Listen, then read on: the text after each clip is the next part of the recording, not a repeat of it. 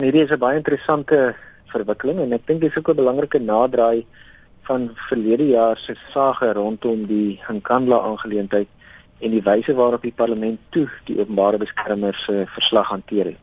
Ons weet die ANC het 'n oorweldigende meerderheid in die parlement op die oomblik en ons weet dat die ANC juist daardie meerderheid gebruik het verlede jaar om meneer Zuma te beskerm toe die openbare beskermer sekere bevindinge teen meneer Zuma as president gemaak het.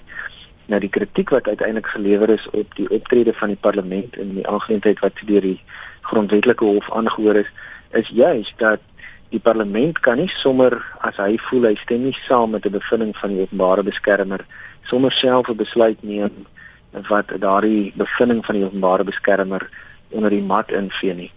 Die remedie wat die parlement het in so 'n geval is om hom op die howe te beroep en slegs die howe kan by wyse van 'n sogenaamde hersieningsaansoek 'n bevinding van die openbare beskermer dan nou tersyde stel.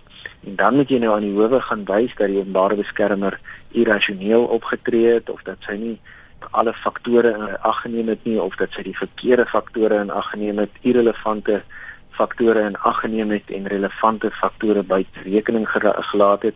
Dis tipies die gronde waarop jy 'n ersieningsaansoek teen 'n openbare of 'n in hierdie geval nou hoofstuk 9 instelling kan bring. En dis presies wat nou gebeur. Ek dink die spreker doen absoluut die regte ding. Ons weet daar's voorhand liggende probleme met die bevinding van die openbare beskermer in hierdie verband. En sy het haarself eintlik as 'n tipe van 'n hoofekonoom van die land aangestel en sommer geag dat dit nou belangrik is dat die Reserwebank nie meer inflasie beheer nie, maar dat hy ekonomiese ja. groei en transformasie moet moet hanteer. Is dit binne die gesag van die openbare beskermer om daardie tipe van aanbevelings te maak? Ja, dis nie goed wat eintlik op die terrein van die openbare beskermer lê nie. Die openbare beskermer moet kyk na die misbruik van staatsgesag en hy moet die publiek beskerm teen magsmisbruik van openbare instellings. Nou sy het haar mandaat so bietjie oorskry, maar weer eens, al het sy dit gedoen, sal die parlement nie sommer net uit sy eie uit kan besluit hy hy ignoreer hierdie bevinding nie. Die parlement sal moet hof toe gaan. Die hof sal uiteindelik 'n bevinding moet maak en die hof kan die saak dan terugverwys na die openbare beskermer om weer te dink daaroor.